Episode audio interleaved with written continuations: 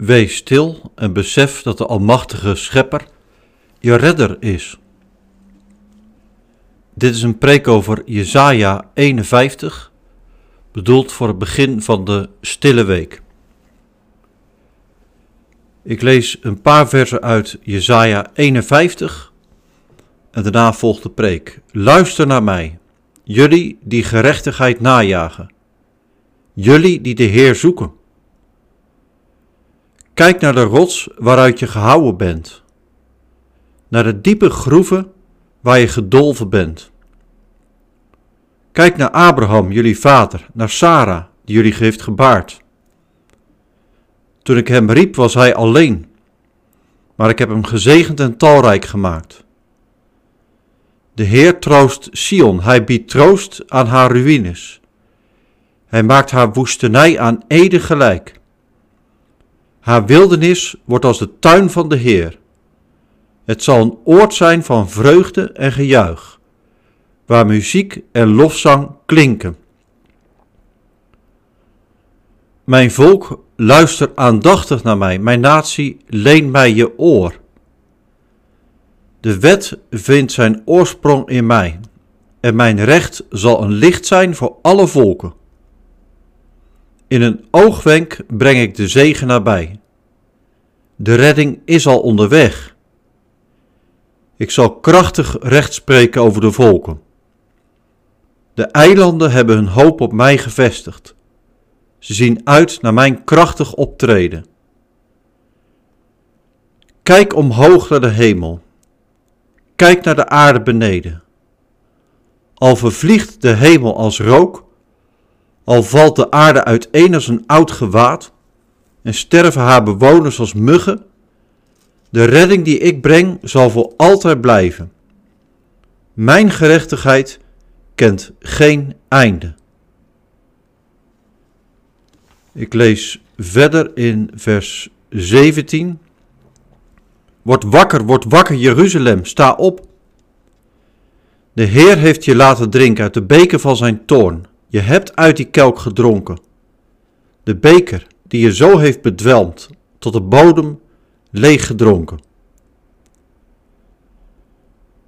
Vers 21. Daarom luister hiernaar, ongelukkige, jij die beschonken bent, maar niet door wijn. Dit zegt je God, de Heer. De God die het opneemt voor zijn volk. Ik neem de bedwelmende beker uit je hand, de kelk, de beker van mijn toorn. Je hoeft er niet meer uit te drinken. Ik geef hem aan hen die jou kwelden. Die het bevel gaven, ga liggen, dan lopen we over je heen. En je maakte je rug als de grond, een weg waarover men kon gaan. Tot zover het woord van God. Gemeente van de Heer, beste luisteraar. Vandaag begint de zogenaamde Stille Week. We leven toe naar de belangrijkste van het geloof, Goede Vrijdag en Pasen. Jezus voor ons gekruisigd en opgestaan. Waarom hebben we het nou over Stille Week? Laat ik een voorbeeld gebruiken. Je hebt vast wel eens iets meegemaakt dat zo indrukwekkend is dat je er geen woorden voor hebt. Je kijkt je ogen uit, je mond valt open, je wordt helemaal stil. Dat is de stille week. Bedenk, de Almachtige God, schepper van hemel en aarde, is mens geworden en wilde zijn leven geven aan een schandpaal op Golgotha. In de stille week ben je op Jezus gefocust. We hebben in onze gemeente elke week, elke avond een bijeenkomst in de kerk.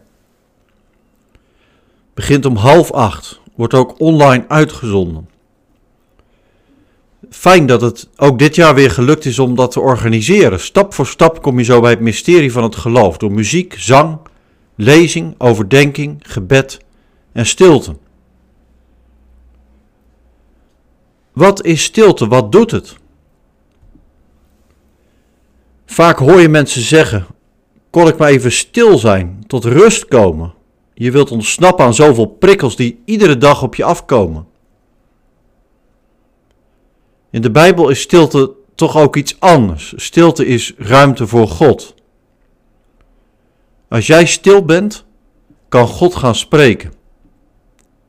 Stilte opent je oren. Luister naar mij. Zo begint Jesaja 51. Luister naar mij, zegt God tegen zijn volk. En God zegt het herhaaldelijk in het hoofdstuk. Luister.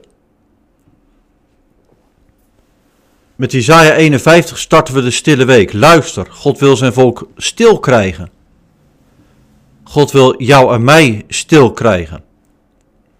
Als jij misschien steeds bezig bent of als je merkt dat je niet met je hart op God gericht bent. Word stil en luister. We hebben in onze gemeente de afgelopen maand een paar keer uit hoofdstukken van Jesaja gelezen. En dan begrijp je ook waarom God luister zegt. Want Gods volk zat vol angst en onzekerheid, vol verwijten ook. Men dacht, God heeft de relatie verbroken. Het is uit tussen God en ons.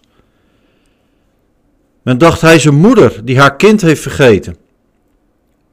Het volk roept en schreeuwt en verwijt. En nu vraagt God de aandacht. Luister naar mij. Dat is het belangrijkste van het geloof in Israël. Hoor Israël. Zo begint het Shema. Hoor Israël, God is één of hij is uniek. In Jesaja 51 vraagt God aandacht voor wie hij is en wat hij doet. Jesaja 51 is een magnifiek hoofdstuk. Niet alles kan besproken worden. Ik richt me op enkele versen met het oog op de stille week. Als God een luisterend oor heeft, wijst hij allereerst op de afkomst van zijn volk. Hij begint over Abraham en Sarah in vers 2. Ze waren kinderloos. Ze hadden geen land. Een onzeker bestaan. Maar God roept. En Abraham en Sarah hebben gehoord en gehoorzaamd. En zo zijn ze rijk gezegend en tot zegen geworden. Door het volk op hun afkomst te wijzen, vraagt God aandacht voor wie Hij is. Om een groot volk te maken, roept God een echtpaar dat geen kinderen kan krijgen. En dat is nou typisch God. God schept uit het niets. Lees Genesis 1. God roept in leven wat niet bestaat, zegt Paulus in Romeinen 4. Laat Gods volk zich dat realiseren in de onzekere tijd van ballingschap. En laten wij dat voor ogen hebben deze week, als we toeleven naar Goede Vrijdag. Wat kan er een onzekerheid zijn in je leven? Denk terug aan Goede Vrijdag zelf. Alle hoop was verdwenen voor Jezus' volgelingen. Hun fantastische Heer en Meester sterft. Maar God wekt Jezus op uit de dood. Zie je? Jezaja zegt, de Nieuw-Testamentische geschriften zeggen, heb vertrouwen in God. Hij is God. God is geen mens als jij en ik. Toen had Gods volk dat vertrouwen nodig vanwege de ellende, ballingschap. God wijst erop dat hij schepper is van hemel en aarde. En dan zegt dan, al vervliegt de hemel ook als rook, al valt de aarde uiteen als een oud gewaad, en sterven haar bewoners als muggen, de redding die ik breng zal voor altijd blijven. Mijn gerechtigheid kent geen einde.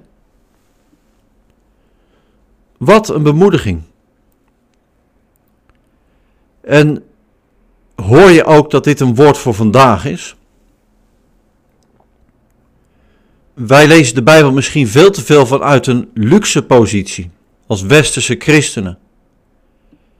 En dan voordat je het weet, als je de Bijbel leest, heb je allemaal vragen, omdat het best vaak gaat over moeite, over oorlog, over recht en onrecht, dat soort dingen. Maar de Bijbel, psalmen, profeten, evangeliën, spreken vanuit een gebroken, in zondegevallen werkelijkheid.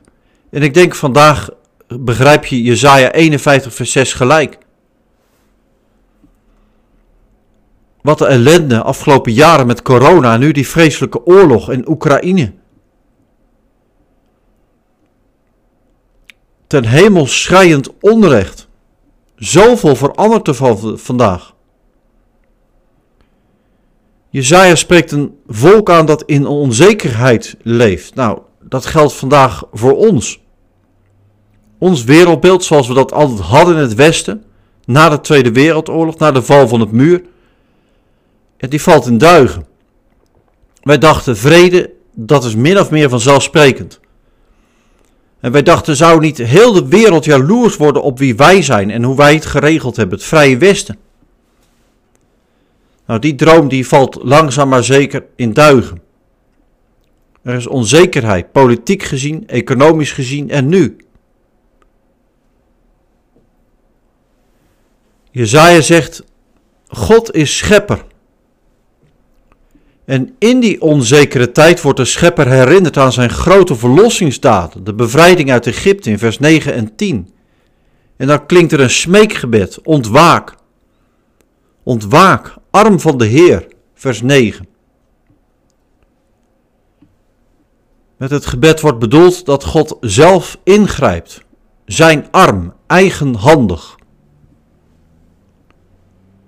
Gemeenteluisteraar, zo gaan we de stille week in. Niet alleen met het gebed dat God zal ingrijpen,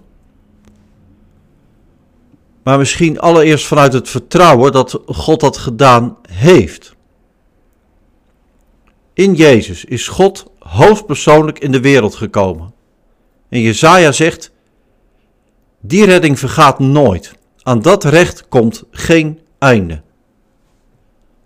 En daarom zijn we deze week stil, om te vieren, te gedenken dat Jezus de dood heeft overwonnen, om God lief te hebben en onze naaste te dienen.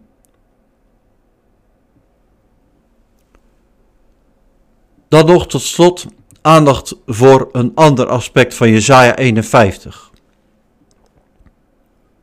Gods arm is opgeroepen om te ontwaken en in te grijpen. En vers 17 zegt dat Jeruzalem of Sion moet ontwaken. En zo zijn God en zijn volk samen wakker, gereed voor een nieuwe toekomst. Er staat dan, dat hebben we gelezen, vers 17 en 22. De Heer heeft je laten drinken uit de beker van zijn toorn. Je hebt uit die kelk gedronken. Dit zegt God de Heer. De God die het opneemt voor zijn volk. Ik neem de bedwelmende beker uit je hand. In deze verse laat God voelen dat de ellende waar het volk toen in zat er niet zomaar was of door een macht die nu eenmaal sterker was. God roept zijn volk tot de orde vanwege hun tekorten. Dat kwam expliciet aan de orde in Jesaja 50. Dat wordt bedoeld met de beker van Gods toorn. Die uitrekking kennen wij vandaag ook nog wel. Als er een hoop tegenslag is, dan wordt er wel eens gezegd: je moet de gifbeker tot op de bodem opdrinken. Er komt geen einde aan, dat. Maar voor Gods volk houdt het wel op, zegt Jezaja. Al in dat beroemde hoofdstuk 40 kondigt God aan dat hij zal ophouden met oordelen en straffen. Waarom? Is Gods volk beter geworden? Heeft God geen reden meer tot oordeel? Let op, gemeente, luisteraar, hier gebeurt iets wonderlijks. Het gaat er niet om dat mensen beter worden of beter gaan gedragen. Dat blijkt ook niet als je verderop in de Bijbel leest. Er gebeurt iets anders. God gaat iets anders doen. God gaat om met de beeldspraak te blijven spreken, uit een ander vaatje tappen. Vers 22, God gaat het opnemen voor zijn volk. Hij gaat hun vijanden vergelden wat zij Gods volk hebben aangedaan. Maar luister. Luister nog beter.